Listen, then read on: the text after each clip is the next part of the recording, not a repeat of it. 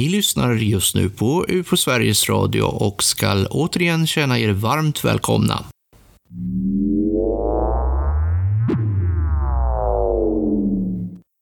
I dagens episod av UFO Sveriges Radio fortsätter vi serien Årsdagar av UFO-fall som inleddes med Skillingarydsfallet den 6 maj. Vi uppmärksammar alltså UFO-fall som inträffade för ett antal år sedan just på den dagen vi publicerar podden. Idag tar vi upp Gösta Karlssons observation strax utanför Ängelholm i Skåne den 18 maj 1946, alltså för 75 år sedan just idag. Det här är kanske Sveriges mest kända närkontaktsfall och det enda fallet i Sverige som har ett monument för att bli ihågkommet. Det är också unikt för att det inträffar innan flygande tefat blev ett begrepp 1947 och precis innan spökraketvågen drar in över Sverige senare under 1946, just i maj.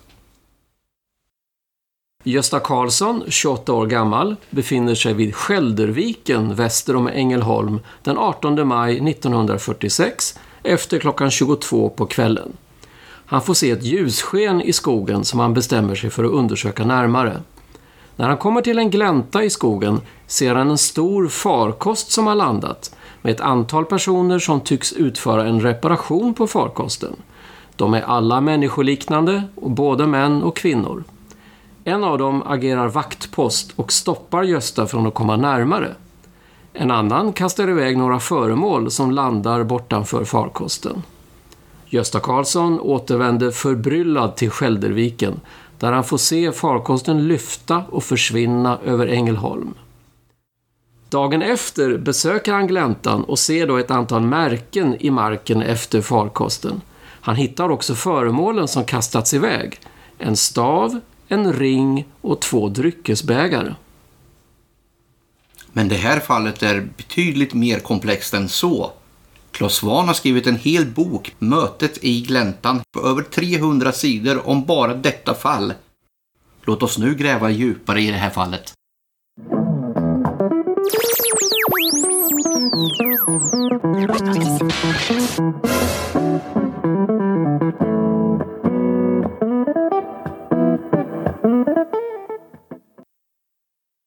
UFO Sveriges Radio idag hör ni mig, Tobias Lindgren, Thomas Michanek och Claes Svan. Hur är det Claes? Du måste väl vara den som är mest inläst och uppdaterad på den här märkliga händelsen som inträffade den 18 maj 1946. Hur mycket tid har du egentligen lagt ner på det här fallet? Ja, du tänker på Gösta Karlsson och landningen i Ängelholm, eller utanför Ängelholm ska man säga, i en liten skogsglänta. Det fascinerade mig oerhört när jag läste om den första gången och jag tänkte den här måste jag försöka att, eh, att titta lite närmare på. Att det skulle ta mig långt över 15 år och, och titta närmare på den hade jag väl inte riktigt tänkt mig. Och jag fortsätter faktiskt att titta på det här fallet. Så det är ju hundratals eh, timmar givetvis som jag lagt ner på detta och hundratals mil i, i resor och mängder av telefonsamtal och intervjuer och så. Ja, eftersom det nu är just 75 år sedan den här händelsen så har det naturligtvis fått stor uppmärksamhet och även i media nu.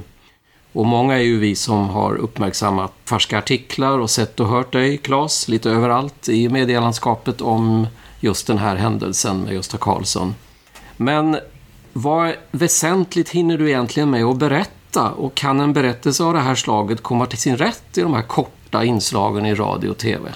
Eh, nej, så är det ju givetvis. Det går inte att, att berätta historien om Gösta Karlsson och hans eh, observation 1946 kort och koncist. Alltså boken då som jag ju ändå skrev då, Mötet i gläntan, den är ju på 350 sidor. Och det säger väl det mesta då om hur pass komplext det hela, hela fallet är och eh, hur många bottnar det faktiskt har. Så det går inte. Men man kan ju snudda lite vid några av de spännande sakerna när man blir intervjuad och försöka att lyfta frågan i alla fall lite så att folk blir intresserade och kanske vill läsa lite mer om det. Då är väl UFO Sveriges Radio ett alldeles utmärkt forum för att få utveckla och tala till punkt. Kanske till och med att vi kan få någon liten eh, detalj eller anekdot som inte får plats ens i boken Mötet i gläntan som du skriver ihop med Gösta och som nu kommer i ytterligare en uppdaterad upplaga. Ja, så är det. Eh, den kommer i ny upplaga och den kommer under maj 2021. Så eh, blir det ytterligare ett antal informationsbitar och lite nya bilder och sånt. Och jag försöker att fortsätta följa det här fallet även efter den här utgåvan eh, har kommit ut faktiskt. För det finns ju frågetecken som ni båda förstår och båda vet Eh, som jag inte lyckades lösa trots att jag ägnade så enormt mycket tid åt Gösta Karlsson-fallet. Man vet till exempel idag inte säkert var finns den här berömda staven och ringen som vi ska återkomma till. Och vad hände egentligen i gläntan klockan 22.45 sent på kvällen alltså, den 18 maj 46. Vi har Göstas ord på det, men vi har också flera olika varianter utav hans berättelse som vi inte riktigt har fått kläm på trots alla år. Men hur blev du själv involverad och fick reda på den här händelsen? Och när började du med dina undersökningar just i det här fallet? Jag som alla andra var UFO-intresserade på, på 70-talet. Vi läste ju då Eugen Semitjovs artiklar i Allers i oktober 71. Eugen Semitjov var ju då en känd journalist som skrev om rymden. Han var ufo-intresserad, han var ganska skeptisk. Men han eh, mötte Gösta Karlsson och eh, då skrev om detta på sida upp och sida ner verkligen i Allers med sina egna bilder och teckningar. Då blev ju både jag och väldigt många i UFO Sverige och eh, UFO-intresserade runt om i landet superintresserade rent ut sagt. Märkligt nog ingen lyfte ett finger för att undersöka fallet. Och inte jag heller, ska jag ju lugnt säga. För den 6 augusti 1987 då jag äntligen då fick eh, träffa Gösta Karlsson för första gången. Då hade jag skrivit brev, jag hade ringt till honom och tjatat i säkert långt över ett år. Men det var faktiskt då som eh, den första utredningen av händelsen inleddes. Och det är ju lite märkligt ändå. Det hade ju hänt 1946 och det kom fram 1971. Klas, kan du, kan du berätta lite mer om själva händelsen och vad som hände Gösta även åren efteråt? Du beskrev här i början då Thomas lite vad som hände. Han satt ju då på ett uh, fort egentligen nere vid Skäldervikens strand. Han brukade cykla dit ner just han var 28 år på den tiden. Och eh, uh, lyssna på fågelsången och titta efter fåglar. Och även den här kvällen då hade han ju cyklat dit ner och parkerat sin cykel och gått ut på stranden Klättrat upp på fortet och satt sig på toppen utav det och tittade ut över Skälderviken. Men sen ungefär 22.45 då så bestämde han sig för att eh, det började bli lite för mörkt. Så han gav sig av hemåt. Han tände sin orienteringspannlampa som han hade på sig. Och trampade iväg då, eh, kan man säga lite, lite österut då in mot Ängelholm. Men får då syn då på det här ljuset emellan träden. Han tänker att det kanske kan vara någon eld. Han blir lite orolig så han parkerar cykeln och så går han in eh, emellan träden och ser då detta som han sen beskriver som en tivolikarusell. Det är hans första intryck då. Men han fattar ganska snart att det är en omöjlighet. En tivolikarusell kan inte ens eh, förflyttas dit mm, på något vis. Det finns inga vägar in, det finns bara stigar. Och så ser han då de här varelserna, nio varelser sammanlagt då, som rör sig då kring det här föremålet. Tre av dem säger han är flickor. Och eh, en av dem är också någon typ av vaktpost då, som stoppar honom. Han blir stående där och, och, och tittar då på de här eh, varelserna som ser ut som vanliga människor fast vackrare som han säger till mig. Och de har kläder som verkar vara nästan som gjutna på dem. Särskilt den här vaktposten har ju en utstyrsel då som, är, som sitter som slimmat på honom. Och på bröstet så hänger då någon typ av lådkamera som han beskriver det för mig. Va? Och de verkar jobba då med att reparera någonting eh, på farkosten. Och vid ett tillfälle kommer då en av de här kvinnorna ut och kastar någonting som försvinner ut genom ett eh, ljus, eh, en ljuskupa. Han beskriver det som en ostkupa utav ljus som strömmar ner ifrån den här farkostens eh, antenn då, som sticker upp. Och då blixtrar det till som ett litet eh, tomtebloss när det här föremålet då passerar igenom. Och då tar han några steg till och vill eh, titta lite närmare men han blir stoppad igen av vaktposten som riktar den här lådkameran emot honom och då säger det klick i hans pannlampa. Och senare upptäcker han ju då att den har gått sönder men det förstår han inte då. Va? Så han tittar på de här varelserna som jobbar på där inne eh, under ett antal minuter innan han går därifrån och tänker nu går jag ner till Skälderviken igen och tvättar av mig för att det här är lite, lite för mycket. Och så tänker han också då att han ska faktiskt smyga sig på de här bakifrån kanske och kunna se den här farkosten från baksidan. Men innan han hinner göra det, han, han är nere vid fortet igen då, så lyser det i skogen plötsligt och han ser hur farkosten lyfter och en stor fena dras in i skrovet och två stycken landningsställ försvinner också in i skrovet. Och den här stora antennen då som ljuskupan hade strömmat ner ifrån den försvinner också ner i toppen av det här diskusformade föremålet som har en rad fönster omkring sig. 16 stycken har han ju sen sagt då, men den, den siffran har varierat lite. Och så piper den iväg och försvinner bort över Ängelholm. Och han går hem helt enkelt och, och lägger sig och sover ganska okej okay första natten men eh, inte bra. Så han vaknar klockan fyra redan nästa morgon. Och går ut i gläntan och tänker nu ska jag se om det finns några spår i läntan efter det här jag såg. Och upptäcker då att det finns då spår. Det finns en eh, ring som är 16 meter i diameter. Han ser avtryck efter de här landningsställen och, och, lite annat. Han ser också spår efter stövlar som man uppfattar det, där någon har gått eller några har gått. Och så upptäcker han då att det här föremålet då som eh, den här kvinnan hade kastat ut. Det är då en stav som ligger en bit bort där i gläntan. Den är 4 cm tjock och 5 cm bred. 12 cm lång. Och så hittar han också en ring. En guldring med en sten. En epidotsten. Och ett par muggar som också ligger där. Fast muggarna ligger då innanför den här ljuscirkeln. Eh, så de har liksom inte kastats ut utan de har blivit liggande. Han har sett också de här varelserna, säger han då, när de har druckit ur muggarna. Tagit en paus helt enkelt. Och sen går han hem. Och efter det så börjar de här konstiga drömmarna då. Ja, vad, vad är det för någonting? Är det drömmar eller vad är det för någonting? Vet vi det? Ja, det är en bra fråga. För att riktiga drömmar är det ju inte. han beskriver det som att han upplever i en halvdvala. Och han svettas kopiöst och han, eh, han är någonstans mellan dröm och vakenhet. Och det första gången det här inträffade två dagar efter händelsen och då eh, är han hemma i sin egen säng. Och plötsligt blir han då ombordplockad mentalt på farkosten och träffar då eh, befälhavaren då som man säger heter Broni. Han ser också en annan av de här varelserna som man kallar för Menji och Broni sitter då vid en instrumentpanel eh, med många olika eh, säga, typer av oscilloskop, knappar, eh, tv-skärmar och sånt. Och i en stol då som har en, en inskription på, på ryggen som liknar en stad. Och han fattar ganska snart att det är den staden som, som de här varelserna kommer ifrån. Och Menji och Broni de kommunicerar då eh, via den här tv-apparaten. Men han får också veta då just utav Broni varför de har landat och det är tydligen då Broni som har då bestämt sig för att han vill berätta för Gösta Karlsson vad det var för skäl till att de var i gläntan. Och eh, då är det så att de har då kommit för nära ett annat skepp eh, i, inom, någonstans ute i rymden, nära jorden. Och det andra skeppet då har haft en som man säger, turbinstråle som har riktats då av misstag emot Bronis skepp. Och två stycken ombord då, som heter Luna och Jurion omkommer då när den här strålen träffar en fönsterruta och, och de då och skadas utav detta. Så de landar då utanför Ängelholm i den här gläntan för att begrava Luna och Jurion.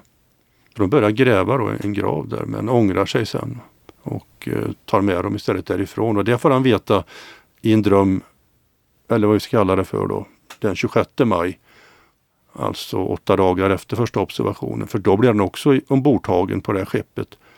Och då får han se hur det pågår en begravnings eh, procession närmast då på en asteroid någonstans mellan Mars och Jupiter som han uppfattar det. Och där ligger då flera döda, tre stycken istället för två. Det skiljer sig då hans berättelse genom åren. Men det ligger tre stycken personer där som ska då begravas. Och han blir ju nyfiken på detta eh, Gösta, så han går eh, dit igen då till Läntan den 27 maj på morgonen och hittar då den här graven som Broni sa att de hade grävt. Det är alltså ett, eh, ett hål i marken som då idag är utmärkt då med en skylt där det står just graven på. Och då förstår han ju att det var där de hade tänkt att begrava dem. Men de gjorde det inte utav olika skäl. Dels för att de var rädda för att de skulle då kontaminera jorden med, med biologiskt material som inte hör hemma här, bakterier och så. Ja, och sen har väl de här drömmarna fortsatt ännu längre tid, har jag förstått. Ja, han har haft flera sådana här drömmar. Han är ju borta idag, Gösta. Och, eh, men under sitt liv så hade han, eh, beroende på vilka siffror man ska gissa på dem, eller tro på, mellan 15 och 50 sådana här drömmar. Där har han ju varierat starkt genom åren då, eh, vad han har sagt till mig. Men man kan säga i alla fall ett tiotal gånger så påstår han att han har blivit då ombordtagen igen då. Eller sett olika typer av visioner. Och när jag träffade honom sista gången när han var på ett äldreboende då söder om Ängelholm. Då hade han haft sådana upplevelser även där då. Men det hade gått många år emellan eh, den senaste upplevelsen och den då som inträffade där i början på 2000-talet. Och han påstår ju också då, det är det som är det viktiga i sammanhanget, att han fick inspiration då till att eh, komma på ett pollenpreparat som skulle hjälpa människor att leva längre, må bättre. Och han startade då en industri ihop med sin bror som hette heter och Allergon. Det är två olika företag idag. Där man tillverkade pollenpreparat, Polbax då framförallt. Eh, som han menar då, receptet kom ifrån de här utomjordingarna. Åtminstone kom idén eh, till det här från utomjordingarna. Och han blev ganska rik på detta sen och eh, blev ju miljonär med tiden. Apropå de här drömmarna, skulle det kunna finnas tecken på att han hade sådana innan själva observationen? Nej, han säger att det, det, var första gången som det här inträffade. Han, han, eh, han flyttade ju, bytte sovrum sen eh, i samband med detta också och eh, sov inte i samma rum som sin fru då. Därför att det var så stökigt på nätterna under en period för honom med de här drömmarna. Och de säger han ju då med en fas att de började då. Han hade inget sånt tidigare. Så att den här händelsen totalt sett, inklusive observationen, kan inte ha varit en av de här drömmarna också? Det är också svårt att säga givetvis. Man måste ju då lita på att det hände den 18 maj 46 och att de verkligen minns detta och att detta är ett säkert datum. Om det nu är så att han verkligen har detta som ett säkert datum, då hade han inga drömmar innan den här händelsen inträffade, utan då uppstod de efteråt. Sen tycker jag nog att det han beskriver i sina drömmar, och det är han noga med att säga, då är han liksom nästan, han är osynlig för alla utom för Broni, för den här befälhavaren. De ser inte honom, de övriga reagerar inte på honom. Utan han är där för att Brony har plockat dit honom och gjort honom mer eller mindre osynlig. Va? Däremot i gläntan då så tittar ju alla på honom. När han kommer in i gläntan så slutar alla jobba, alla tittar på honom. Och vaktposten ser honom väldigt tydligt för att han stoppar honom vid flera tillfällen. Så det skiljer sig då ganska mycket ifrån drömmarna. Eh, men det är återigen svårt att säga.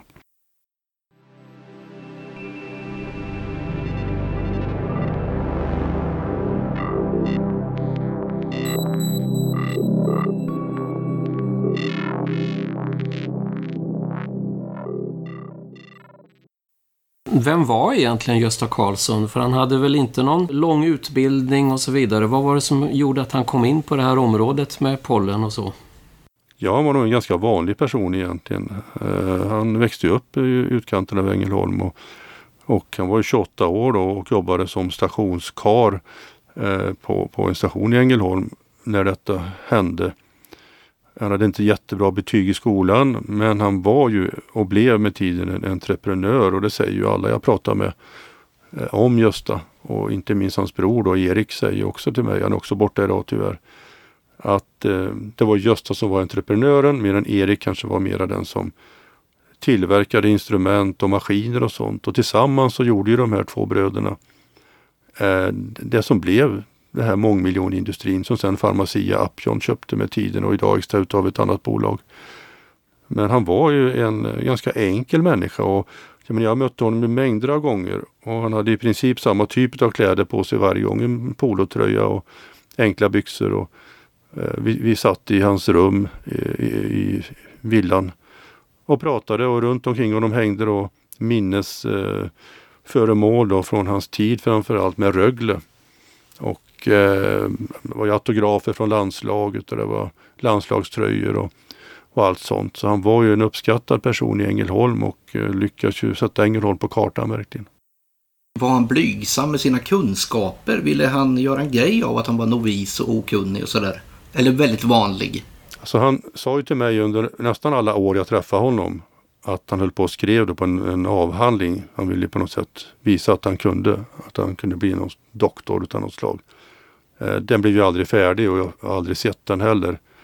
Eh, han hade nog lite mindervärdeskomplex för att han var en self-made man som hade liksom skapat allting med sina egna händer. Men inte kunde bevisa då för övriga forskningsvärlden att han hade kunskaperna. Så att eh, ja, han hade nog lite tungt med sitt, sin bakgrund. Ändå hade han bevisat för alla att han faktiskt kunde. Så att han behövde inte skämmas för någonting. Och, eh, men han skröt aldrig om det. Han eh, var ganska lågmäld och eh, trots att han var ganska bullrig, pratade mycket, lyssnade ganska dåligt så, så skröt han inte. Men sa vi att hans bror var ingenjör eller? Hans bror var ingenjör och en duktig ingenjör dessutom som tog fram apparater för att bevara blodplasma till exempel och så. Han kände inte att han var mindervärdig i, i, jämfört med brodern då. Han tyckte det var jobbigt att brodern blev ingenjör och han blev ingenting. Jag tror att det var, eller jag vet att det var ganska spänt mellan bröderna. Särskilt under senare år var det ju det. De var ju väldigt olika. Och eh, jag tror säkert att Gösta såg att brodern var väldigt duktig. Och att han var duktig på saker som inte Gösta var duktig på. Men brodern sa ju till mig också att Gösta var ju fantastiskt duktig på helt andra saker.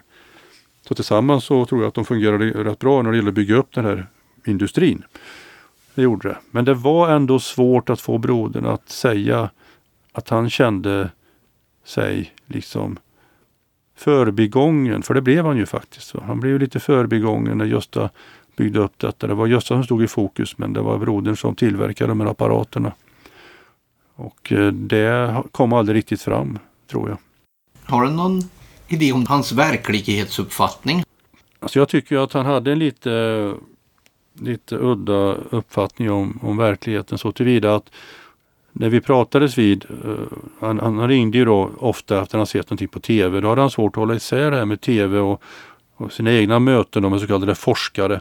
Han hade kontakt med forskare i USA till exempel som hade kommit fram till både det ena och det andra. Och det var ofta då sånt som hade varit i något program på Vetenskapens värld eller någonting annat uh, som han hade sett där då, som han kopplade ihop med detta.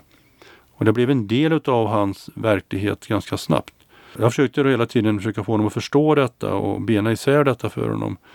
Och det kanske lyckades ibland men inte alla gånger. Var Gösta religiös? Alltså Gösta var aldrig religiös på det sätt som man tänker sig, gå i kyrkan och sådär och jag tror inte att han bad till någon gud heller. Eh, han var nog snarare så att han tyckte nog att religion kunde vara ett, ett problem. Han var mer en förnuftsmänniska som eh, en ingenjörstyp snarare än en person som vände sig inåt. Men, men detta sagt då, han var ju en väldigt trevlig person. Alltså det var ju, jag tyckte om att sitta och prata med honom. Även om han inte alltid lyssnade på allting som, som jag kom in och frågade om så svarade han ju till slut på nästan alla mina frågor. Även om det tog många hundra mils av resor och många hundra timmars arbete. Han tyckte nog om att sitta och prata. Han ville nog att detta skulle bli hans eftermäle. Han förstod nog att jag bidrog till i alla fall att, att sätta detta på pränt så att det skulle bli någonting för framtiden. Men han gillade det här som en social grej också. Ja, det gjorde han. Han var ingen social person egentligen. Han var inte det. Eh, jag, jag bokade in honom på lite föredrag och sånt ibland. Han kom aldrig dit. Va? Eh, intervjuer och sånt hoppade nästan alltid av. Men eh, vid ett tillfälle så flög jag ju ner med Strix Television för att göra ett avsnitt i Möte med det okända. Och jag, jag, var alltid orolig för att Gösta inte skulle vara hemma eller att han skulle liksom ha gett sig iväg. Men då var han hemma och det blev ett inslag. Och, och vi var ute i gläntan tillsammans och filmade och så han svarade inte på några brev under de åren som jag och han höll på med detta, utom från mig då, de svarade han på. Men han lät ju mig besvara hans brev under många år. Så han skickade en hög då och då som hade kommit då från alla möjliga personer som ville veta mer. Eller också bad han dem att, att de skulle ringa till mig och så fick jag svara på breven och så fick jag svara på telefonsamtalen. Så han var inte ute efter liksom att träffa folk eller att synas eller att eh, märkas. Det, det, var han verkligen inte. Han var en ganska speciell person på, på många olika sätt. Hans idé om verkligheten här, skulle den kunna bero på brist på utbildning eller att han inte har studerat saker och ting? Nej, jag tror inte det. Jag tror att han var på det här sättet. Alltså folk är olika. Gösta var en person som, som satt mycket hemma. Han var inte mycket ute och inte ens under sin tid då, med Rögle så var han ju inte mycket liksom ute och syntes. Han skulle hållit föredrag i Ängelholm då 96. Det var ju meningen då när han ställde ut staven och ringen. Men det gjorde han ju inte givetvis. Han ställde inte upp på det. Och han var heller aldrig med och visade staven och ringen. Eh, så att eh, han var nog en person som var han tyckte om att sitta hemma mest och han lät ju trädgården växa vilt. Så man såg ju inte ens huset från gatan. Då. Idag så har ju de som har tagit över huset, de har röjt allting så man, man ser ju hela vägen in. En ganska privat person som ändå var väldigt öppen och, och, och trevlig att prata med. Men han ägnade hela livet i Ängelholmstrakten? Ja, han eh, lämnade aldrig Ängelholm och jag tror inte att han färdade särskilt långa sträckor från Ängelholm heller. Han var aldrig i USA och träffade de här forskarna som han pratade om. Eh, jag vet inte att han reste någonstans egentligen. Utan han bodde i sin villa eh, vid eh, södra utmarken. Sen flyttade han ju då till ett pensionärsboende någon mil längre söderut. Men mer än så blev det egentligen aldrig. Var Gösta konspiratoriskt lagd? När det gäller det här med konspirationsteorier och sånt så var det ju ganska ovanligt på 1970-talet. Det var ju ingen som brydde sig om eh, några sådana idéer. Utan det har kommit under senare år egentligen. Och Gösta var absolut inte någon konspiratoriskt lagd person. Han, eh, han såg aldrig liksom att någon förföljde honom eller att någon försökte liksom stjäla hans grejer. Men han var väldigt försiktig givetvis med de här staven och ringen och sånt. De var han ju väldigt rädd om. Men eh, hade han varit konspiratoriskt lagd så tror jag nog att den här boken hade tagit en helt annan, en annan väg. Så nej, det var han inte. Om han hade levt nu och varit yngre så hade han inte hamnat i några konstiga sådana kretsar. Det vet jag faktiskt inte. Han var ju öppen för väldigt mycket underliga saker. Han trodde på ganska mycket eh, som fakta som han egentligen inte hade på fötterna att tro på. Hade han levat idag så är det väl en, en möjlighet åtminstone att han skulle ha trott på Eh, en del konstiga saker som har med konspirationsteorier att göra. Det är inte osannolikt faktiskt. Men då, på den tiden, så fanns det ingenting sånt att tro på egentligen. Så det var ingen som diskuterade detta.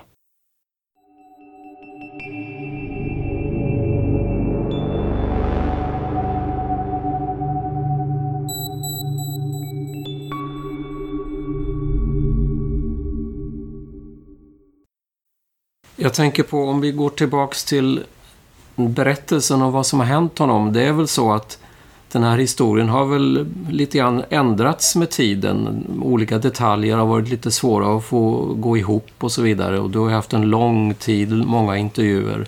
Hur ser du på det idag? Att, att det är svårt att få grepp om vad som egentligen har hänt? Ja, det har verkligen varit svårt att få grepp på vad som egentligen har hänt. Han har skrivit ner saker åt mig. Han har berättat vid olika tillfällen under dessa år. Egentligen var det mellan 1987 och ända fram till år 2000 som vi höll kontakten och, och pratade om detta. Så det är många herrans år. Ett av de största problemen har ju varit då den här staven egentligen som han sa att han hittade i gläntan och som han sa till mig under senare år var en del utav framdrivningssystemet till farkosten. Och den påstår han ju vid flera tillfällen att han hade skickat till forskare då som i USA som försökte bygga då en UFO-motor utav denna. Den här staven då den, den var ju då som sagt 4 gånger 5 gånger 12 centimeter. Och den var ju bränd i ena ändan och han sa att den var också täckt utav sand när han plockade upp den. Ändå säger han vid ett tillfälle att han hittade den därför att den blänkte i solen och det låter konstigt med tanke på att den var så, så beströdd med sand och så bränd. Och det lustiga var att när jag sen fick se den här staven äntligen då, då hade den ju inte de här måtten längre utan den hade andra mått. Och han påstod att han hade kapat av en bit visserligen. Men eh, det fanns ju till exempel inga inskriptioner på den från början, vilket han ju eh, kunde visa att han hade fått under senare år. Va? Så det lustiga var att när jag började skriva då en, en ny upplaga 2015 utav Möter i gläntan, då pratade jag med hans eh, gode vän sedan, ja, sedan 40 år då egentligen, Kurt Bergqvist. Och Kurt hade inte berättat detta för mig då inför första upplagan av boken men när jag kontaktade honom igen, vilket alltid är bra att göra, så berättade han att just 1967 hade då kommit med den här staven eh, till honom för att han skulle teckna av den eller göra en ingenjörsskiss av den. Och då hade den andra mått. Då hade den 3,5 gånger 3,5 gånger 7 cm. Den var alltså kortare. Den var 5 cm kortare och inte lika tjock. Och hade inga inskriptioner på sig. Och idag ser man ju då, det är fem stycken tecken på den eh, som man kan kalla för runliknande. Men det är dumt att säga egentligen för det har ingenting med runor att göra men de är väldigt enkla med tecknen. Och när jag sen fick se den, då var den ju 5 centimeter bred. Då hade den alltså ökat 1,5 centimeter eh, sedan 1967. Och eh, minskat då 1,5 centimeter sedan 1946.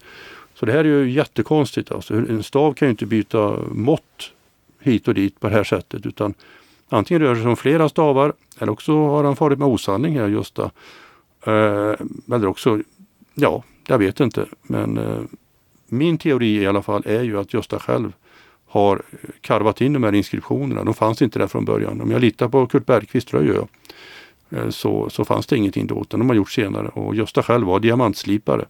Inte särskilt duktig sådan. Men ändå diamantslipare. Och de är inkarvade då i den här staven på ett ganska, ganska dåligt sätt om man ska vara ärlig. Ganska slarvigt sätt till och med. Det här kom ju till allmänhetens kännedom 71 sa du. Dröjde det verkligen så länge innan det blev allmänt känt egentligen?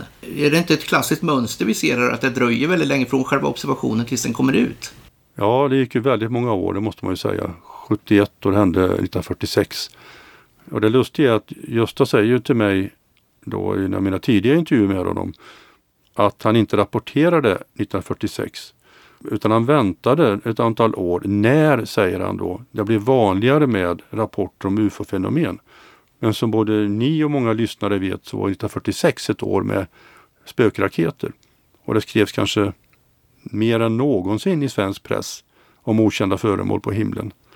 Så det är lite märkligt att han inte berättade det då. Om det hände då så borde han ha förstått att detta var någonting som alla pratade om. Okända föremål på himlen. Ja, det här med spökraketerna exploderade ju redan dagar efter hans upplevelse. Ja, absolut. Det blev ju som störst då i maj. Och under hela sommaren då, juni, juli 46 så skrevs det ju massor om det. Och det störtade ju föremål i olika sjöar runt om i Sverige och militären var ju inblandad. Så man skulle kunna tänka sig att Gösta borde ha tänkt så här att ah, militären är intresserad av okända föremål som störtar och som flyger över Sverige. Då kanske jag borde berätta detta. Men ändå gör han inte det och det är en av de här gåtorna verkligen. Och som Thomas frågade tidigare, det, det är många olika saker som har förändrats. En annan sak som har förändrats är ju de här bägarna då, som man ju hittade i, i gläntan då när han kom dit eh, dagen efter. De säger han ju till mig då att de brann upp 1952 i en brand i, i ett lager, ett pollenlager som de hade i en lada. Men eh, när Kurt Bergqvist då fick eh, teckna av den här staven 1967 då fick han också teckna av en av bägarna som Gösta hade med sig och gav till honom att teckna av. Så då fanns den plötsligt igen. Så då blir man inte riktigt, riktigt klok på eh, vilken, eh, vilken version av historien man faktiskt ska tro på. Men det var alltså ett gäng av en inre krets som kände till det här långt innan det kom till allmänheten? Ja, det fanns ju ytterligare några andra som visste om vad som hade hänt. Inte i detalj och inte så utförligt. Men eh, det var ytterligare några eh, utav hans närmaste på Cernel och Allergon då, som eh, faktiskt visste om detta. Ja, det är en detalj som är rätt intressant. att Om man tänker sig att han 1971 för första gången skulle ha berättat det här, då är det lätt att tänka sig att minnet påverkas av tiden. Han eh, lägger in tolkningar och så vidare. Men har han å andra sidan berättat om händelsen redan tidigare, då minskar ju kanske risken att, att de här minnena är påverkade av, av tiden. Så är det ju. Hur ser du på det? Ja men så är det ju. Men han berättar ju då det är väldigt eh, skissartat för, för de personerna. Inte alls i de här detaljerna som vi har pratat om det nu. Så man vet ju inte vad som har kommit till eh, senare faktiskt. Någonting anser han sig ha upplevt då 1946 och som var så viktigt för honom att han sen också byggde ett monument på platsen. Ja, hur, hur gick det där till egentligen? För att eh, spåren där i, i gläntan, de, de på något sätt blev gjutna i betong och så vidare. Och redan innan man lyckades undersöka platsen. Har du fått klart för dig hur han tänkte där kring det? Ja, han säger till mig att han ville bevara platsen och att det var därför han grävde upp de här spåren och, och göt i dem och ställde det här tre ton tunga betongmonumentet på plats. Det här tyckte ju absolut inte dåtidens UFO-undersökare om. Eh, GISOF, då, Göteborgs informationscenter för flygande föremål ifrån Göteborg, de var ju där tidigt och tog prover och så. Och då hade han ju grävt upp de här ringarna och strött i sand ifrån eh, stranden då i Skälderviken istället. Eh, och de blev ju väldigt besvikna på detta och förstod inte riktigt eh, hur man kunde förstöra eh, en sån plats och eh, ta bort då viktigt bevismaterial rent ut sagt. Va? Och det lustiga är ju sen att när, man, när de här ringarna väl göts i då, eh, då göts de ju fel. Eh, det, idag finns ju tre stycken ringar på platsen. Inre och yttre turbinstråle står det på två av dem. Och sen är det en tredje ring som bara heter ring A. Och den är inte märkt överhuvudtaget. Men det är helt klart då att det aldrig funnits tre ringar. Utan eh, en av de här är ju fel, felgjuten och det förstod nog Gösta och han kunde aldrig ändra på det liksom. Men det förstår det heller ingenting inskrivet då i den här ring, ring A. Ja, och de här cirklarna och ringarna i gläntan. Det är ju intressant att veta om de har funnits där tidigare eller inte. Och det finns ju lite flygfotografier och sånt och lite andra vittnesberättelser. Ja. Kan du säga någonting om, om vad vi vet där? Så är det ju. Eh, jag beställde ju bilder ifrån Lantmäteriet då för att eh, titta vad man kunde se på den här platsen. Den var ju flygfotograferad 1939 och även 1963 hade man flugit över och, och tagit bilder. Eh, nu var det så att de här bilderna från 1939 de var helt enkelt inte bra nog. Va? Man hade flugit på lite högre höjd och man hade framförallt haft mycket sämre kameror. Så att eh, man ser ingenting där, man ser gläntan, det gör man. Däremot på 1963 års bilder, det ser man då den här som heter Ring A och yttre turbinstrålen. Men däremot inte den här inre turbinstrålen. Man ser inte heller fenan eller eh, landningsställen. Eh, så det är lite konstigt då. Däremot har vi vittnen då som har sett då eh, 1971 då innan de bjöds i landningsställen och, och fenan. Eh, så att eh, man vet inte när allt det här kom till egentligen. Det enda vi vet med säkerhet är att 63 fanns det någon typ av ringar i gläntan. Två stycken. Eh, man kan inte säga mycket mer än så egentligen. Och, men så har vi en annan historia också som en man som heter Nils Tarras Wahlberg berättade för mig när jag fångade upp honom då utanför Växjö som han bodde på den tiden. Han berättade då att eh, han hade varit ute då våren 1946 i det här området med en blåslampa då och skapat de här avtrycken, de här ringarna. Därför att han ville skoja med Gösta Karlsson. Som Nils Tarras Wahlberg säger till mig, att han trodde på rymdvarelser. Eh, så det har vi ytterligare en historia då som eh, komplicerar bilden av vad som egentligen hände ytterligare. Och vad var kopplingen mellan de två herrarna då? Ja, skolan. Kände ju till varandra genom skolan och sådär och eh, ja, de, de var ju vänner men inte goda vänner. Så han skulle göra något practical joke där alltså? Ja, han sa till mig att han hade gått och lagt någon lapp i brevlådan hos Gösta också och, eh, för att få ut honom i gläntan och, och hitta de här avtrycken. Men eh, Nils Tarras eh, har ju inte heller kunnat belägga att han har gjort det här. Och det finns inga anteckningar och hur han kan minnas exakt att det här var på våren 46, det vet vi inte riktigt säkert. Men det går, inte att, det går liksom inte att vifta bort hans berättelse heller. Va? Sen vet vi inte varför Gösta skulle trott på rymdvarelser 46. Det har vi ingen aning om och det har Gösta själv då förnekat att han skulle ha gjort. Då. Så det är ord mot ord. Ja, jag kan tycka att det låter lite långsökt helt enkelt. För då, då skulle alltså Gösta diktat ihop en, en story runt det här efter att ha sett de här märkena i, i gläntan. Det känns ju det känns liksom att motivet till det inte riktigt finns där på något sätt. Ja, ja visst. Det, det är ju så med nästan alla uppgifter i det här det här fallet att man kan ställa ytterligare en fråga om, om varje uppgift. Va? Jag menar, till exempel farkostens utseende. Den har en fena, ett roder som Gösta beskriver det som. Det låter ju väldigt mycket 1940-tal alltså. Om man nu färdas genom kosmos, ska man ha ett roder på en farkost då? Jag vet inte riktigt alltså. Och turbinstrålar. Är det så man färdas genom rymden? Med turbinstrålar? Jag får inte ihop det riktigt. En annan sak som jag tittade ganska mycket på det var ju storleken på farkosten. Och den får ju nätt och jämnt plats i den här gläntan. Alltså. Det måste vara oerhört svårt att landa där.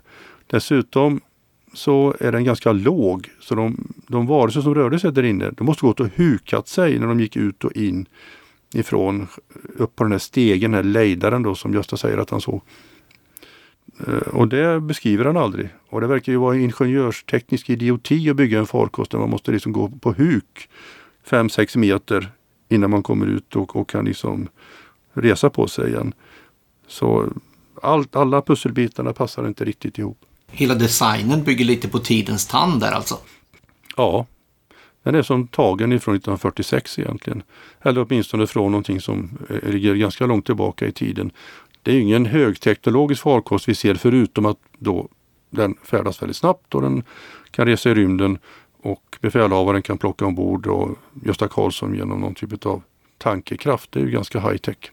En, en sak som är väldigt intressant kring den här dagen och kvällen är ju att det uppenbarligen ägde rum en militär skjutövning vid Skälderviken eh, mellan klockan 21 och midnatt med skarp ammunition. Och det här är ju någonting som Gösta Karlsson väl aldrig riktigt har sagt att han har märkt eller hört. Och man undrar ju lite grann då, eh, har man kunnat kolla upp det här efteråt? Finns det vittnen, militärer på något sätt? Eller är det för långt tillbaks i tiden för att kunna komma åt den sidan? Det fanns inga papper kvar, det gjorde det inte från militärens sida. Men det var en annons i tidningen då som varnar för en skjutövning på militärens håll eh, den kvällen. Eh, så är det. Militärövningen, alltså skjutövningen, hur långt ifrån gläntan och från Gösta var den egentligen? Om det nu hände samtidigt. Ja, inte långt ifrån alls. Eh, han satt ju nere vid stranden och den pågick ju lite längre bort på stranden, så några kilometer kanske bort. Då. Eh, så om den verkligen pågick då så hade han ju kunnat se det tveklöst, eller höra det i alla fall. Eh, så det var inte, inte några större avstånd. Men man vet inte om den verkligen hände då? Det kan man inte belägga nu? Nej, Nej det kan man inte. Man vet bara att de skulle göra detta. Om den ställdes in, det vet vi inte. För det finns inga dokument kvar om det tyvärr. Nej, för det är osannolikt att ingen av militären då inte skulle ha sett den här när den åkte iväg sen. Förkosten. Ja, det kan man tycka eh, att någon borde ha gjort. Precis, och det är ju lite bestickande. Eh, det tycker man ju att eh, då, om, om militärer faktiskt såg detta och det var 1946, mitt under spökraketvågen, så borde det ha rapporterats till försvarsstabens folk som sysslade med de här spökraketerna. Absolut. Då. Det, det, kan inte ha försvunnit bara utan det, det, hade kommit in som en rapport i så fall. Det finns ju en annan liten vridning man skulle kunna göra på det här, eller vinkling. Att låta säga att militären hade den här övningen och att de av någon anledning befann sig i den här gläntan för att ha någon slags sambandscentral eller vad det kan ha varit. Det har förklarats på många olika sätt genom åren. Det skulle vara något militärtält då som hade slagits upp på platsen under kriget och så hade man grävt då eh, olika typer av diken runt för att det inte skulle komma in regnvatten och så om det var dåligt väder. Och så har han varit där, Gösta, och helt misstolkat vad han ser. Det är i själva verket militärer som har en vaktpost och som håller på med någonting där som har att göra med den här övningen. Och sen över tiden så fantiserar han ihop någon historia kring det här. Jag vet att det låter långsökt, men är det möjligt? Ja, man måste tänka lite långsökt ibland, så det har jag inga problem med. Eh, det, det, det man undrar över lite i så fall, det här starka ljuset då som man såg. Militären kör ju knappast med strålkastare när de försöker skydda sig från, från ledig fi. Då måste han ha hittat på det här starka ljuset ifrån farkosten också och alltihop detta som var i gläntan. Eh, sen var de inte klädda på något vis som liknade svensk militär. De hade vita dräkter på sig. Och så. Men jag menar, vi vet ju inte vilka bitar som har pusslats ihop. Eh, så att det, det, det tål att tänka på alltid. Man får liksom kasta upp alla pusselbitarna i luften och se var de landar ibland. Och, Eh, han har säkert varit med om någonting, det säger vi ofta om folk som har sett saker och ting. Men ofta är det ju faktiskt så att det är inte bara påhittat. Och Gösta var inte en person som satt och hittade på saker. Eh, han eh, hade lite problem däremot med att skilja fakta och fantasi ifrån varandra. Han, kunde, han ringde mig ganska ofta och då hade han sett någonting på TV. Ofta var det någonting på något vetenskapsprogram. Och eh, då kunde han blanda ihop det där programmet med, med sånt som hade hänt i verkligheten och som hade hänt honom själv. Så det, det, han var lite svår på det viset, eh, tyvärr. Då kan man återigen fråga sig i så fall om det nu var en militär skjutövning. Gösta Karlsson råkade sitta där nere och se detta. Och så går han hem. Och sen då 25 år senare så berättar han om detta. Hur i hela friden kommer han ihåg att det var den 18 maj 46 i så fall. Jag, jag har inte fått se några anteckningar. Han har ju då ett arkiv som han lovade då att UFO Sverige skulle få genom mig och även staven och ringen skulle UFO Sverige få genom mig. Det var liksom hans löften då som han sa i radiosändningar och i olika typer av intervjuer och till mig personligen.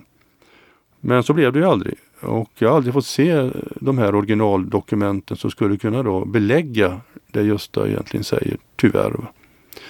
Och det hade jag ju hoppats på. Lite dokument har jag fått se, va? men det har inte egentligen eh, bevisat när händelsen faktiskt inträffade. Han har tydligen inte fört någon, någon dagbok eller så vid den här tiden. Nej, det tror jag inte att han gjorde. Han berättade aldrig om det i alla fall och jag, vi, vi pratade ju om anteckningar givetvis. Och då sa han det att ja, jag har en massa papper då i, på en adress i Ängelholm. Eh, och även massa brev han hade fått ifrån folk sen som hörde av sig efter 1971 då, i samband med Eugens artikel. Eh, och de lovade han också att vi skulle få. Men allt detta vet jag inte vad det är idag. Jag hoppas bara att de inte är borta. Utan de faktiskt finns kvar. För det här är ju oavsett vad man tror om Gösta Karlssons historia så är det ju Sveriges mest kända närkontakt. Och eh, en av de händelser som vi alla på något vis måste förhålla oss till som sysslar med UFO.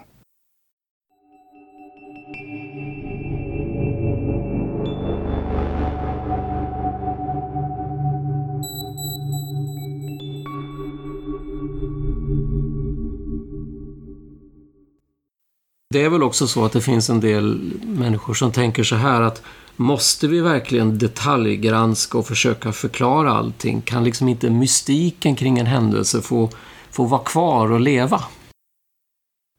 En väldigt relevant eh, tanke där egentligen, för det gäller ju alla fall. Det gäller inte bara Gösta Karlsson, utan som det antyder så, så stöter vi på det här, både du och jag och, och Tobias och alla andra fältundersökare i vårt arbete då och då Eh, att vi tar mystiken ifrån eh, någonting. Jag, vet, jag blev uppringd av en journalist på en radiostation i Dalarna då, för många, många herrans år sedan.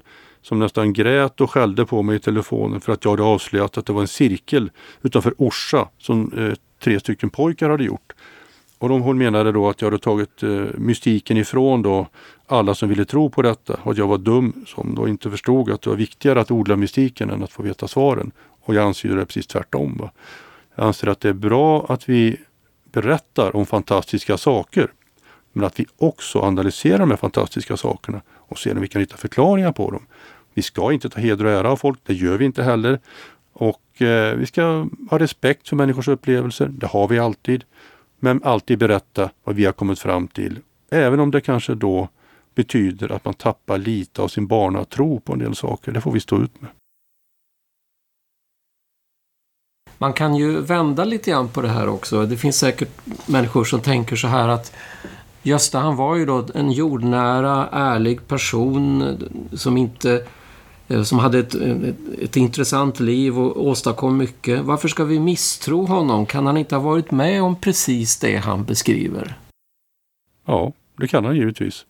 Han hade ju ingenting att vinna på att gå ut och berätta att han hade sett ett landat flygande tefat. Där han var då i en uppbyggnadsfas av en industri då som gjorde honom rik och som det var väldigt viktigt att folk faktiskt litade på honom och på de här eh, pollenpreparaten.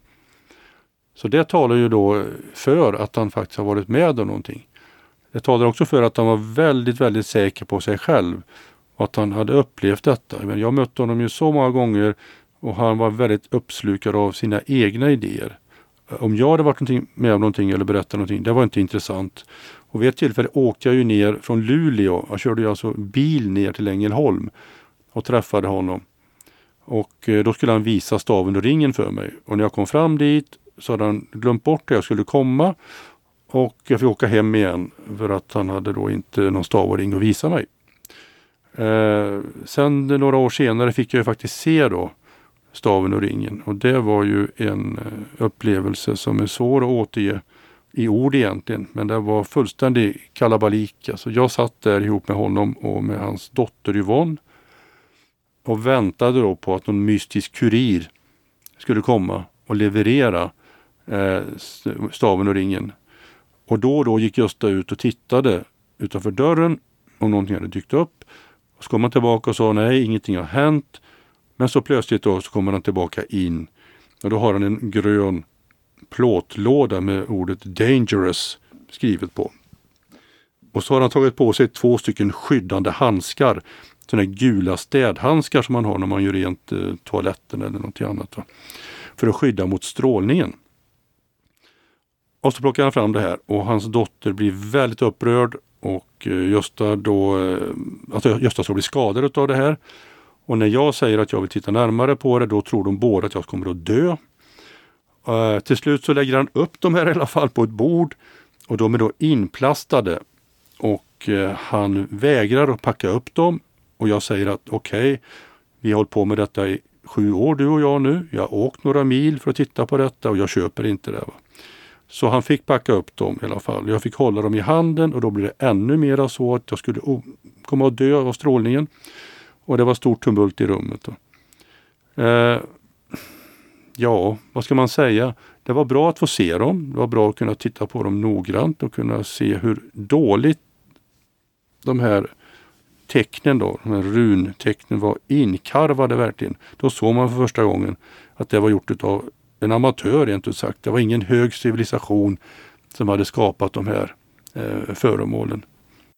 Eh, du snackade om, lite om strålning här, men det har ju varit idén om radioaktivitet. Det är, väl, det är väl det han tänker på när han kör den där burken och de där konstiga handskarna. Men, men idén om strålning har väl, den kom väl redan när de var ute i, i gläntan och försökte undersöka saken. Ja, vilken typ av strålning det egentligen handlar om, det har ju just svävat lite på. Det, det är ingen vanlig radioaktivitet det handlar om. Det är det inte. Han var han var rädd för att det fanns någon typ av strålning i gläntan. Eh, så han återvände ju inte dit. Han, han ville inte besöka gläntan. Det tog mig många år att eh, få dit honom faktiskt. Eh, och, så han var rädd för någonting. Och han sa också då att de skulle landa där år 2000. Skulle de komma tillbaka och, och, och landa i gläntan, vilket ju inte blev så. Men jag, jag, minns ju det här när han hade de här städhandskarna på sig då och skulle plocka upp det här föremålet. Några dagar senare så eh, träffade jag honom igen och då hade han fått eh, bulor då. En bula i alla fall på armen. Som jag fotograferade och som finns med i boken också. Som han menade då kom sig utav strålningen. Men jag fick inga bulor ska jag säga. Och jag höll ju också i de här föremålen. Och jag hade inga städhandskar på mig heller. Med tanke på att hans, när han jobbade med de här pollenpreparaten så var det folk som han var kollegor med som, som var utbildade för laborationer och grejer på han borde ju veta hur de sköter kemikalier och grejer. De skulle ju inte ta på sig ett par städhandskar, tänker jag. Nej, det där förstod jag aldrig riktigt. Det måste jag erkänna. Jag, jag förklarade för honom också att jag inte trodde att jag skulle skydda någonting. Nej, det, det, det begriper jag faktiskt inte riktigt hur de fick ihop med, med städhandskarna. Eh, självklart så borde han själv veta att jag inte skulle skydda. Och jag menar, han var ju oskyddad i övrigt. Strålningen kan ju inte, kan inte bara komma till händerna.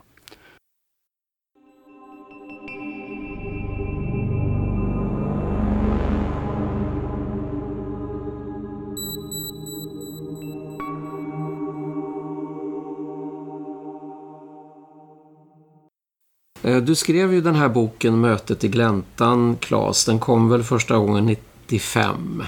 Kan du berätta lite grann hur den här boken kom till egentligen? Samarbetet med Gösta och så.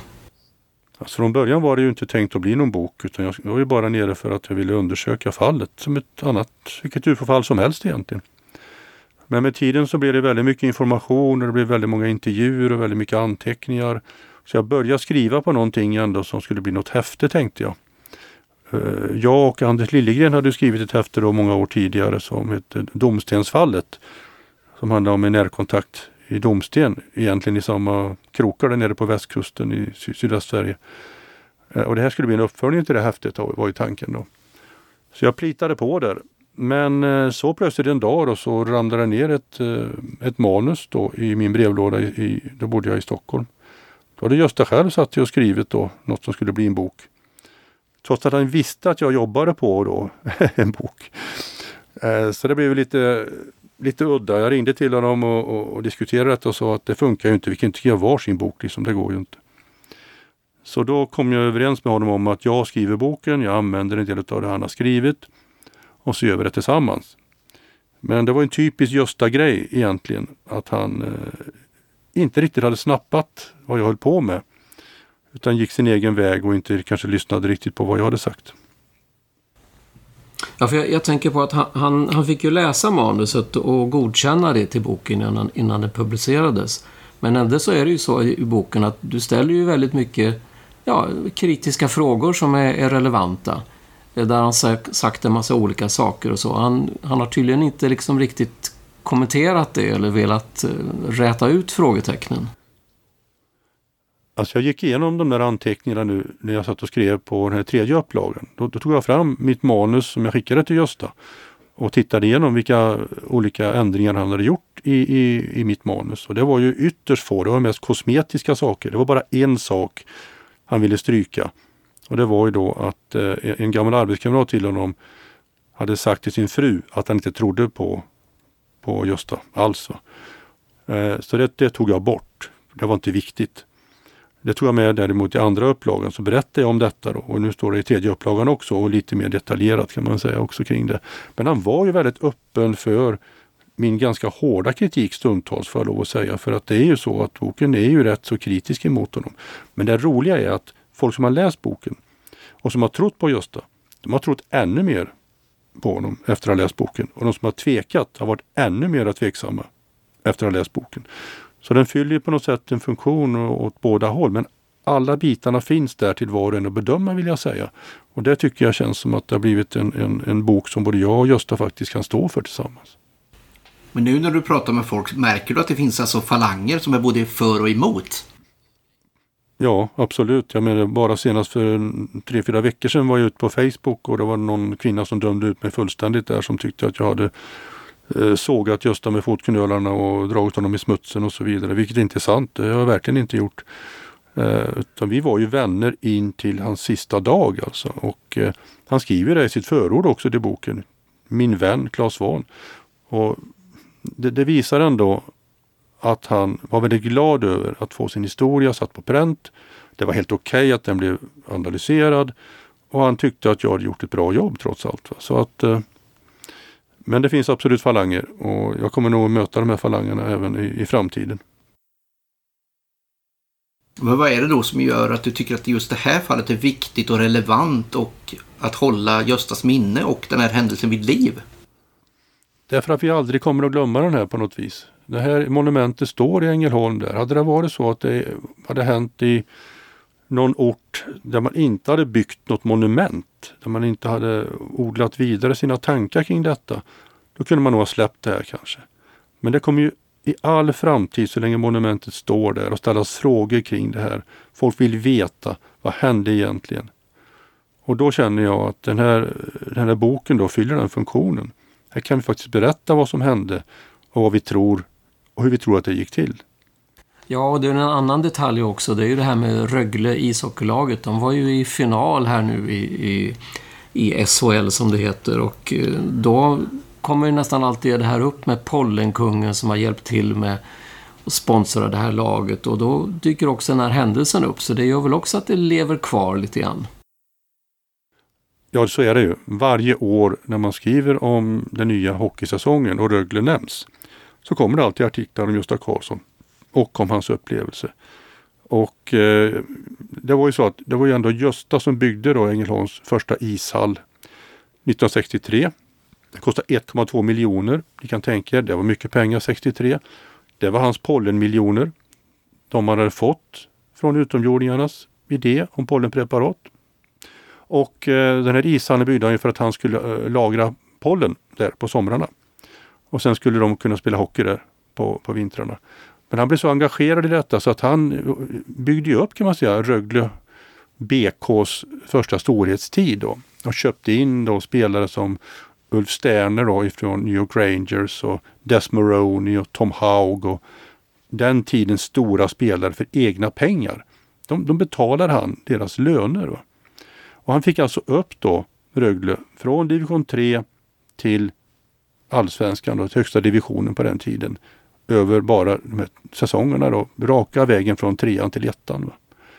Fantastiskt alltså. Folk hatar honom för detta. Hockeysverige hatar Gösta Karlsson för han hade köpt ihop ett lag som hade blivit så himla bra att de hade gått hela vägen igen. Och de blev bästa nykomling då 1967.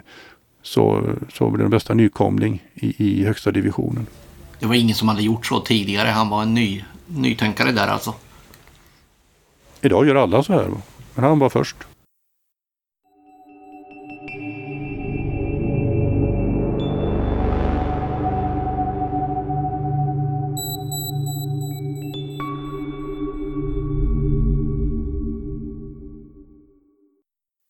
Eh, vinsterna är ju tydliga om man ska tro Gösta här, men vilka är de största förlusterna för Gösta i och med den här historien? Det är väl att han blir ifrågasatt givetvis. Man kommer med en historia som är helt eh, otrolig och som inte är så lätt att tro på. Och det är klart att det faller tillbaka på både honom själv då och på de industrier han byggde upp. Eh, det måste han ju ha insett. Men han ansåg att det här var, det, det, var sant.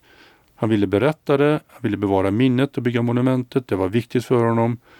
Och eh, det här var hans livs grej. Alltså. Det var det här han, han byggde sina företag ifrån. Och, så han var ju helt säker på att detta hade gått till på det sättet.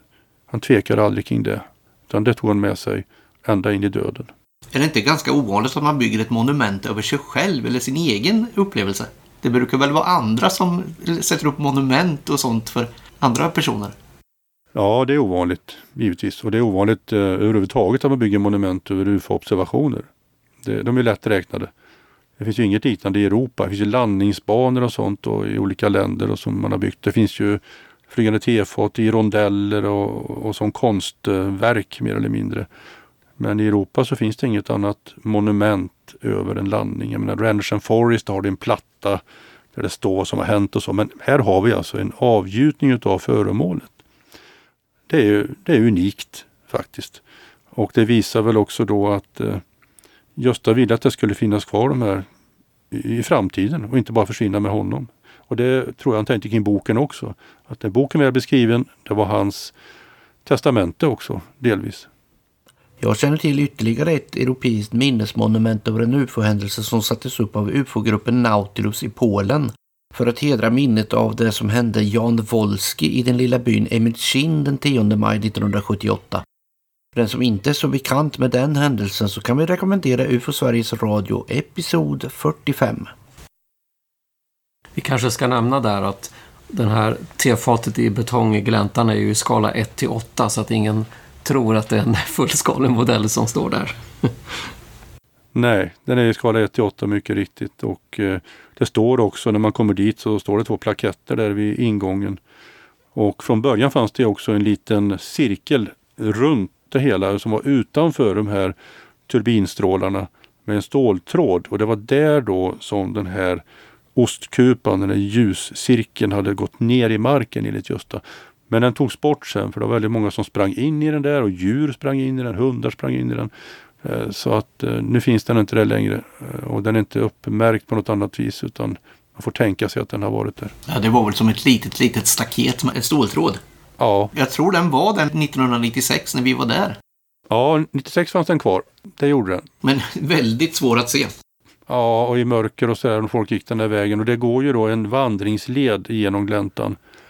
Och det är ju den föreningen som driver de här vandringslederna i Ängelholm idag som också ser till så att gläntan hålls lite ren från skräp och så. När de upptäcker någonting så samlar de in det och håller lite rent och i ordning där. För ingen har ju ansvar för den här gläntan egentligen. Den ligger på privat mark. Eh, det var ju Göstas kamrat och Erik von Geijer som ägde marken. Nu är det ju hans eh, son och sonson som har tagit över detta. Eh, och Ängelholms kommun har ju ingen skyldighet egentligen att eh, vårda själva monumentet.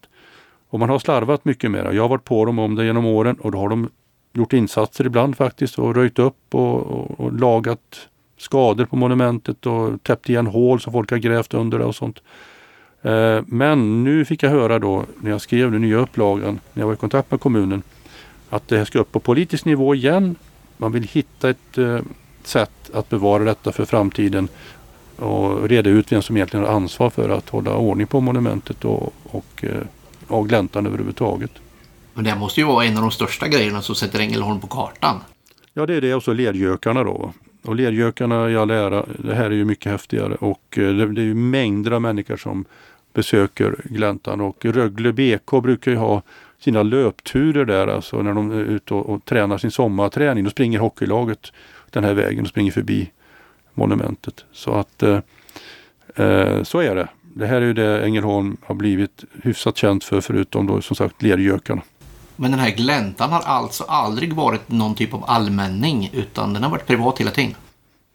Ja, den har varit privat så länge man kan se tillbaka. Eh, I alla fall så länge jag har spårat den tillbaka så är det ju VG Holms marker det här va? och eh, som von Geijers äger. Men man har aldrig tänkt att hänga in det på något sätt eller låsa ute folk eller så? Nej, det skulle strida helt emot den uppgörelse som gjordes då muntligen mellan Erik von Geijer och Gösta Karlsson. För de var överens om att det här skulle kunna vara tillgängligt för allmänheten. Och Gösta ville ju skapa ett fågelreservat där också. Och det sägs ofta att det är ett fågelreservat och det är väl en sanning med modifikation. Men många går ju dit för att uh, titta på fåglar, lyssna på fågelsången och så. så att, uh, det finns många dammar, sjödammarna kallas de för, där fåglar då kan uh, ja, ha det bra. Och det frodas helt enkelt. Så det är mycket fågelliv där ute. Det benämns ju också som Sibirien. Hur kommer det sig?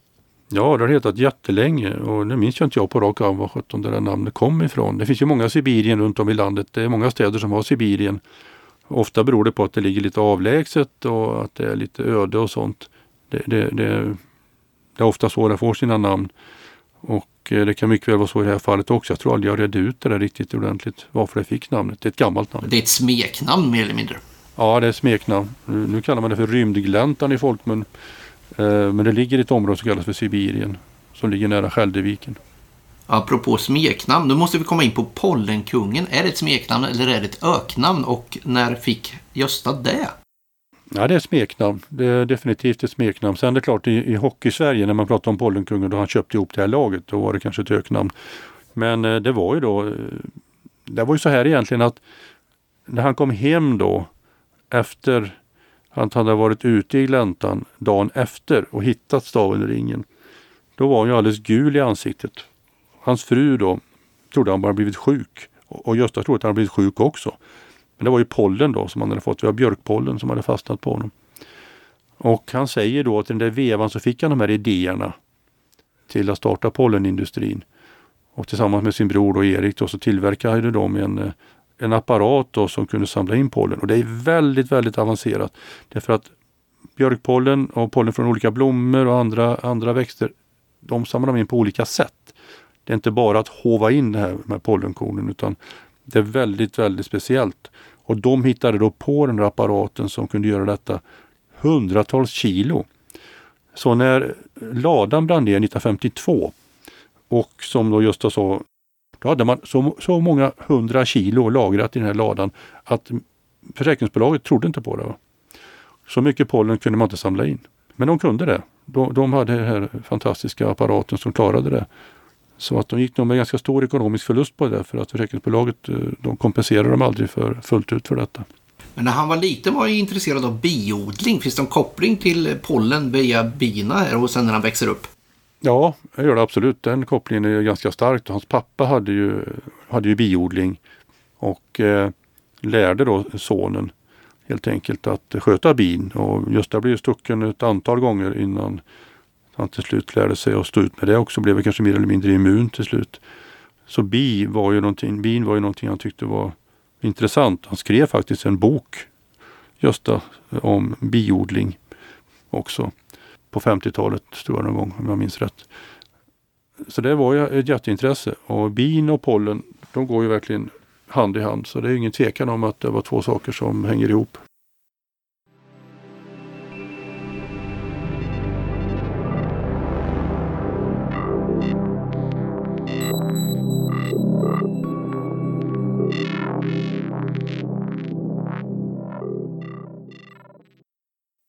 En fråga som man bör ställa sig som ufolog är ju att man ska kolla med släkt och vänner och familj och kollegor och så vidare. Har du gjort det?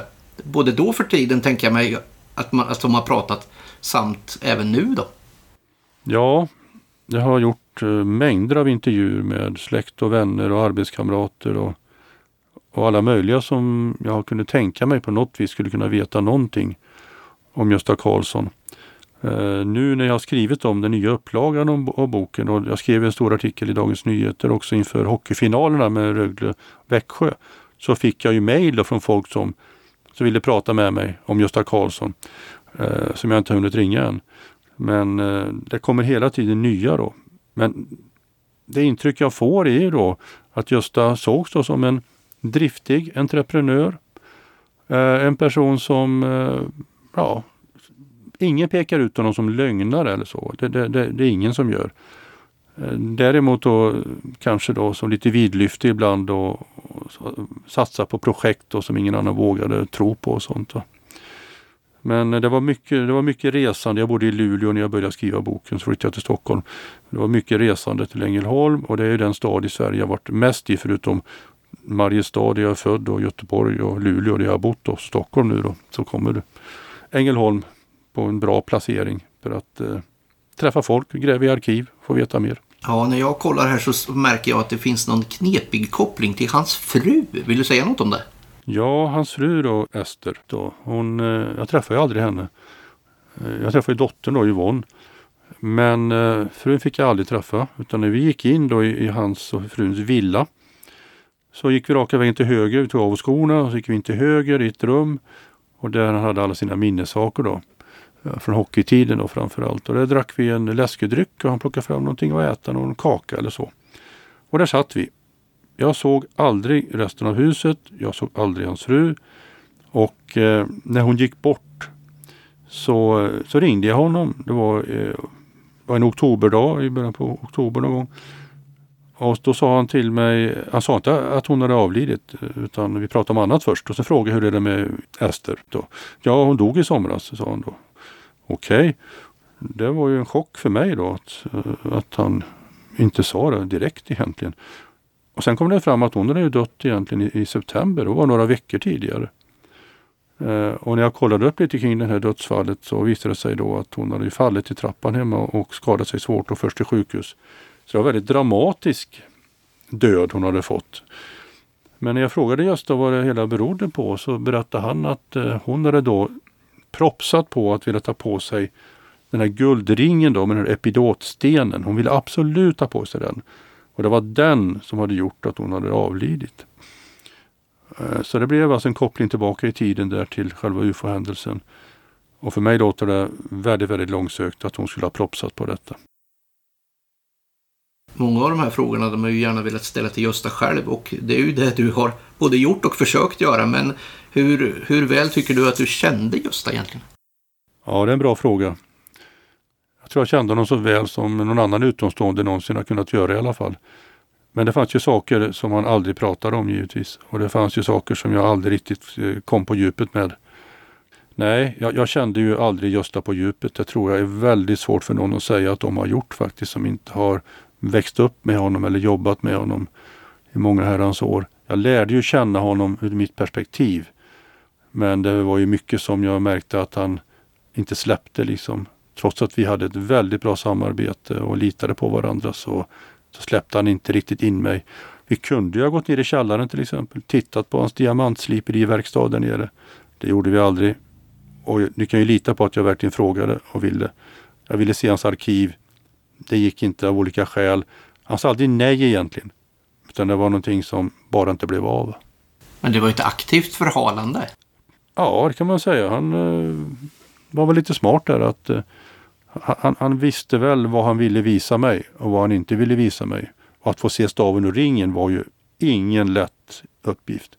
Det tog ju åratal och väldigt mycket arbete innan han faktiskt gick med på att visa detta. Och det är lite märkligt, vi skrev en bok ihop. Nej, det fanns saker och ting som vi nog borde ha rätt ut bättre och som jag hade hoppats på att han skulle visa mig. Men det är saker som du ångrar nu att du inte fick med? Det är ju saker jag ångrar att han inte hjälpte mig med. Va? Jag ställde alla frågorna. Jag har ingen fråga känner jag som jag inte ställde till honom. Men jag fick ju inte svaren alltid. Och det känns lite tråkigt. Va? Och, eh, jag fick ju låna saker av dem som jag lämnat tillbaka och som idag bara är borta. Och det känns också så att eh, man skulle önska kanske att man hade haft kvar dem så man skulle kunna gjort lite andra undersökningar och analyser utav bland annat då en sten då där han vaknade en morgon och såg då befälhavarens ansikte på den här stenen då. Den fick jag ju låna och fotografera av och den fick han tillbaka sen. Och sen hade han ju också slipat ner då en, en han lurade ju Eskin Semitjoff och sa att han hade slipat ner staven till en skarabé. Eh, men det var ju lögn. Och eh, den skarabén vet jag heller inte riktigt var den är någonstans idag. Den hade jag nog också gärna velat eh, komma över. Och sen var det väl också så att de här föremålen blev ju utställda ett par år senare. 1996 så hade ju UFO-Sverige riksstämma i Ängelholm. Och Eh, Gösta, jag har för mig, han guidade i gläntan och sen så var väl de här staven och ringen utställda där på den här utställningen som vi alltid har i samband med riksstämman. Ja, och det var ju en fantastisk uppslutning. Alltså det var långt över tusen personer som kom och tittade på dem. Och eh, det stod då ett par Securitas-vakter och vaktade dem enligt Gösta bakom pansarglas, men det var det inte. Det var vanligt jävla glas rent ut sagt. Det var, hade någon velat knacka hål på det och ta med sig dem hade det gått alldeles utmärkt.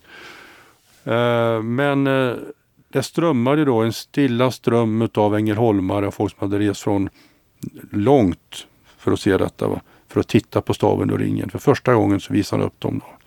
Och som du säger Thomas så guidade han ju då UFO Sverige dessutom i gläntan eh, på morgonen samma dag. Och vi var väl kanske en 60-tal personer, 70 kanske. Vi var många i alla fall. Som följde honom i spåren och fick höra hans historia berättad på plats. Och det är ovanligt. Han har gjort det vid ett annat tillfälle. Så vi ska känna oss eh, hedrade av att han tog sig den tiden och gjorde detta för oss. Ja, och det blir ju aktuellt nu igen. Nu är det ju 75-årsjubileum som sagt och Ängelholms turistbyrå ska väl anordna guidningar igen har jag förstått. Så är det. Första guidningen då 18 maj på dagen och eh, då kommer Ingrid Persson Skog då som hon heter, guiden, att eh, ta runt en liten grupp på 15 personer ungefär.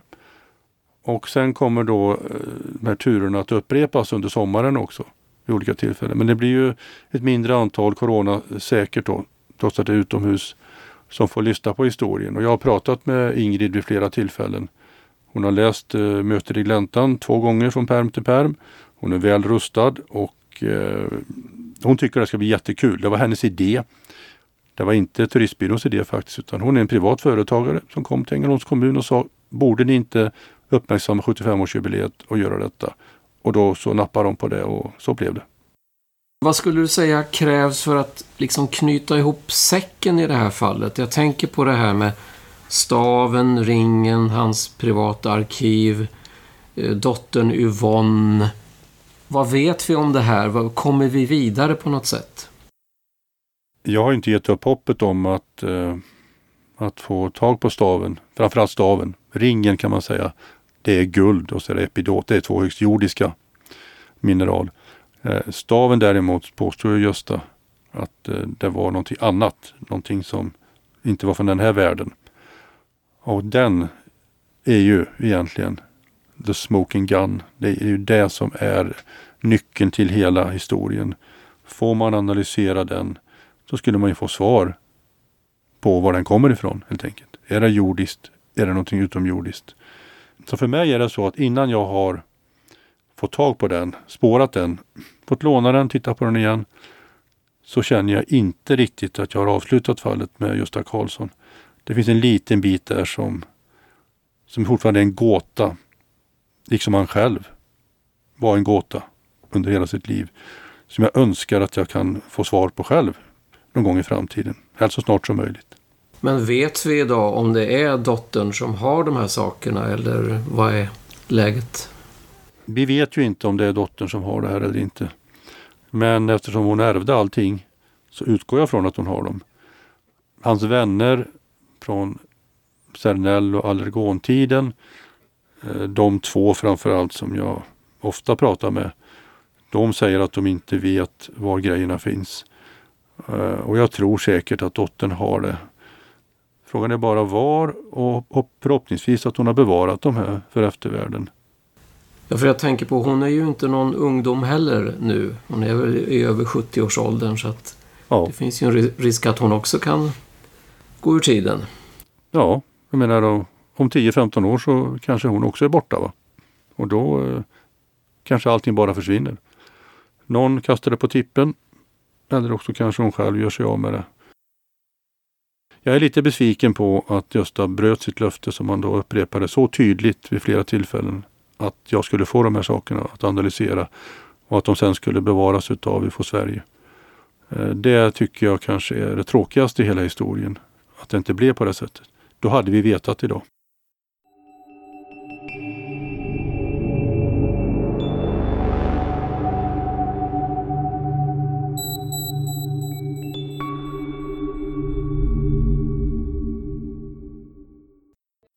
Var Gösta extra mottaglig för fantastiska händelser? Alltså Gösta var jätteintresserad av vetenskap och vetenskapens eh, frontlinjer. Han slukade ju tv-program framförallt eh, kring sånt. Va? Det, det kittlade honom. Sen var han ju inte ufo-intresserad egentligen. Eh, vi pratade aldrig egentligen om, om ufo-fenomen allmänt och sådär. Han tog aldrig upp det. Eh, han pratade heller aldrig om eh, parapsykologi och sånt utan vi var, kom, kom in lite på det givetvis när vi pratade om hans drömmar och hur han färdades ombord på den här farkosten och så. Men, men det var inte, han var intresserad av sin egen historia. Punkt. Det, det, så var det. Han var ingen läsare av ufo-litteratur eller köpte ufo-aktuellt eller något sånt. Det, det, det var inte så han tänkte. Och han intresserade sig inte för dig som person? Nej, absolut inte. Uh, varför jag höll på med det här? Jag menar, om någon kom hem till mig i 15-20 års tid skulle jag också vilja veta lite mer kanske uh, om den personen.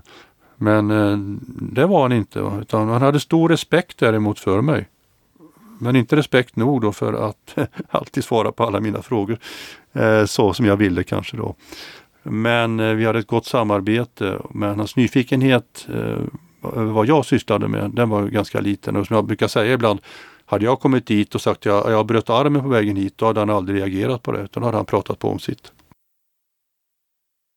Jag tänker på en annan sak när, när du nämner de här drömmarna.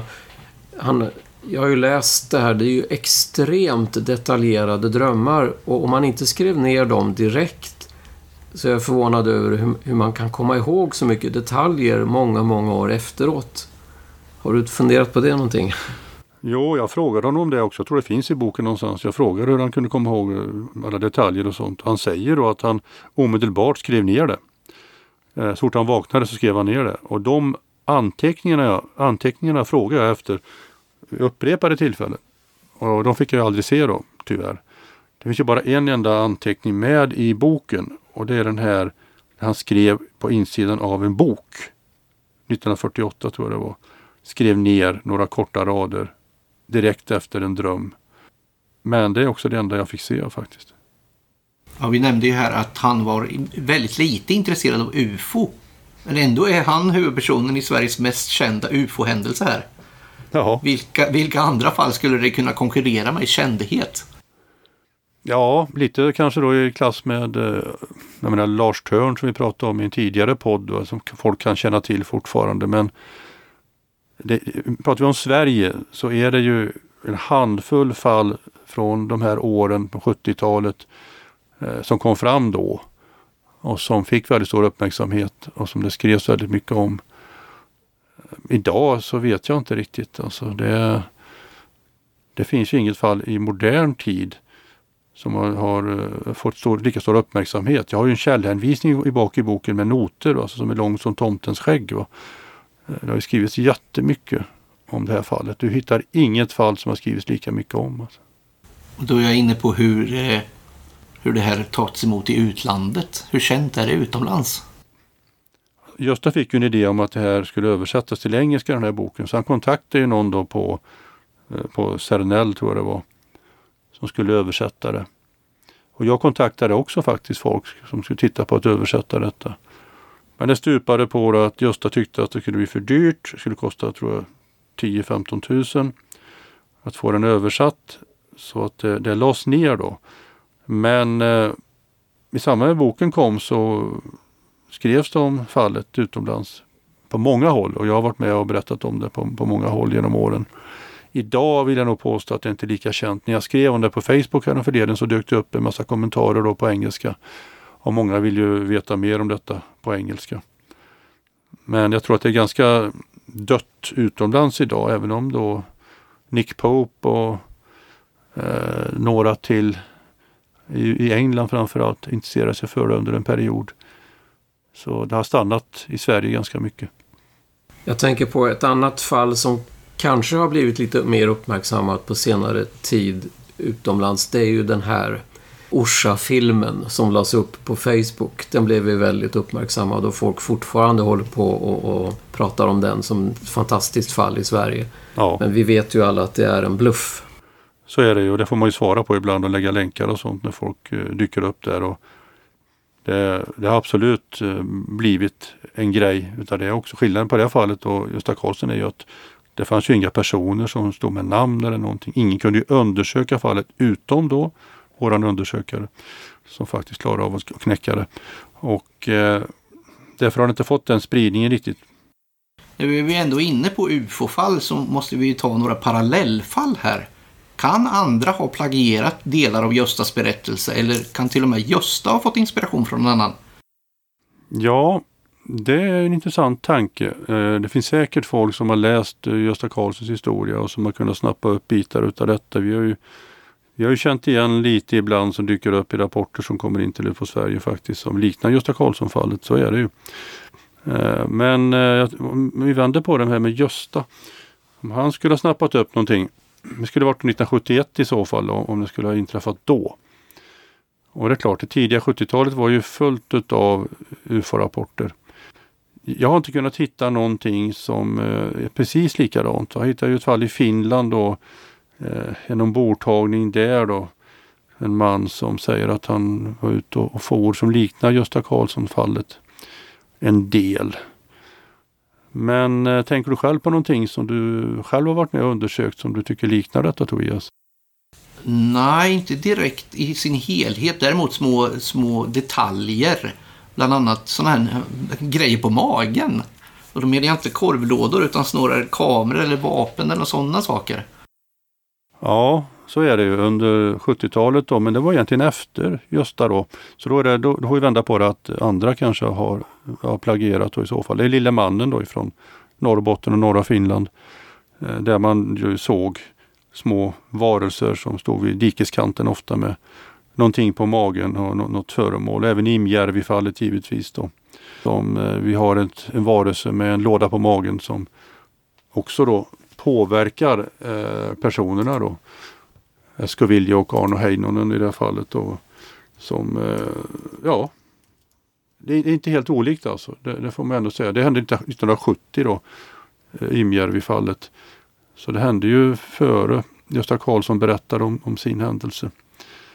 Så visst, eh, han skulle kunna ha snappat upp någonting ifrån det fallet. Annars liknar ju inte Imjärvi-varelsen. Det var en figur som närmast var lite lätt grön med en toppig hatt och en konstig näsa. Eh, liknar ju inte alls de här varelserna. Däremot föremålet då var lite mer det var Adamski-likt alltså. Det var ju sån här klassiskt flygande tefat med kulor under då som George Adamski då på 1950-talet i USA påstod att han hade varit ute och rest med. När det gäller Imjärvi-fallet. Så där har ju Gösta då en helt annan beskrivning utav farkosten som inte liknar någonting egentligen annat som jag stött på. Ja, jag tänker just på, på kontaktpersonen Adamski. Han eh, beskrev ju sådana här saker som moderskepp och sånt som även Gösta har pratat om. Och det kanske kan ha funnits inspiration där från Adamski till Gösta. Ja, precis. Jag ägnar ju ett långt kapitel om detta i boken. Och jag kunde aldrig leda det i bevis egentligen om Gösta hade läst Adamski. Men det är helt klart att det finns en rad paralleller i, i, emellan de båda historierna. Inte minst med moderskeppet och det och saker som hände. Det är kanske ett 20-tal olika punkter ungefär som man kan säga att det finns stora likheter. Men det som är olikheterna är återigen själva farkosten. Eh, sen är likheterna då att eh, varelserna ser ut som vanliga människor. Det var ju Adamskis eh, främsta kan man säga. Det var en hörnpelare i hans berättelse att de såg ut som du och jag. Så att man kan inte undgå att tänka att Gösta Karlsson kanske på något vis kom i kontakt med det tidiga Parthenon i Helsingborg eh, som publicerade Aramskis böcker till exempel och att han läste då någon av dem, Flygande tefat har landat eller ombord på rymdskepp eller något annat. Och kanske fick en del inspiration därifrån. Det, det är inte uteslutet och det, det, som sagt jag skriver om det och den, den frågan kan man inte bara blunda för. Han själv tyckte själv inte att, eh, att det hade någonting med saken att göra. Men, men visst, de är lika. Då får jag tacka er då, Thomas och Claes här. Men just där Claes, du vill ju eh, berätta lite mer om den här boken och andra happenings som kommer nu i samband med 75-årsdagen av Göstas händelse. Ja, det är ju, är ju så att eh, boken kom ju under maj då, så en del som lyssnar på detta kanske redan har sett att den har dykt upp. Slutet av maj 2021 är väl tanken att den ska publiceras. Och vi har skapat en, en sida då som ligger under ufo.se som heter pollenkungen.se. Och dit kan man gå då om man vill dels beställa boken och dels om man vill veta mer om boken och om fallet Gösta Karlsson. Så det skulle jag rekommendera alla att gå in på pollenkungen.se. Sen eh, har ni möjlighet att ha vägarna förbi Ängelholm så försök att boka in er på en sån här tur en vandring runt monumentet och runt de här vägarna där Gösta gick då i maj 46. Eh, jag tror att det blir en bra utflykt i sommar för många.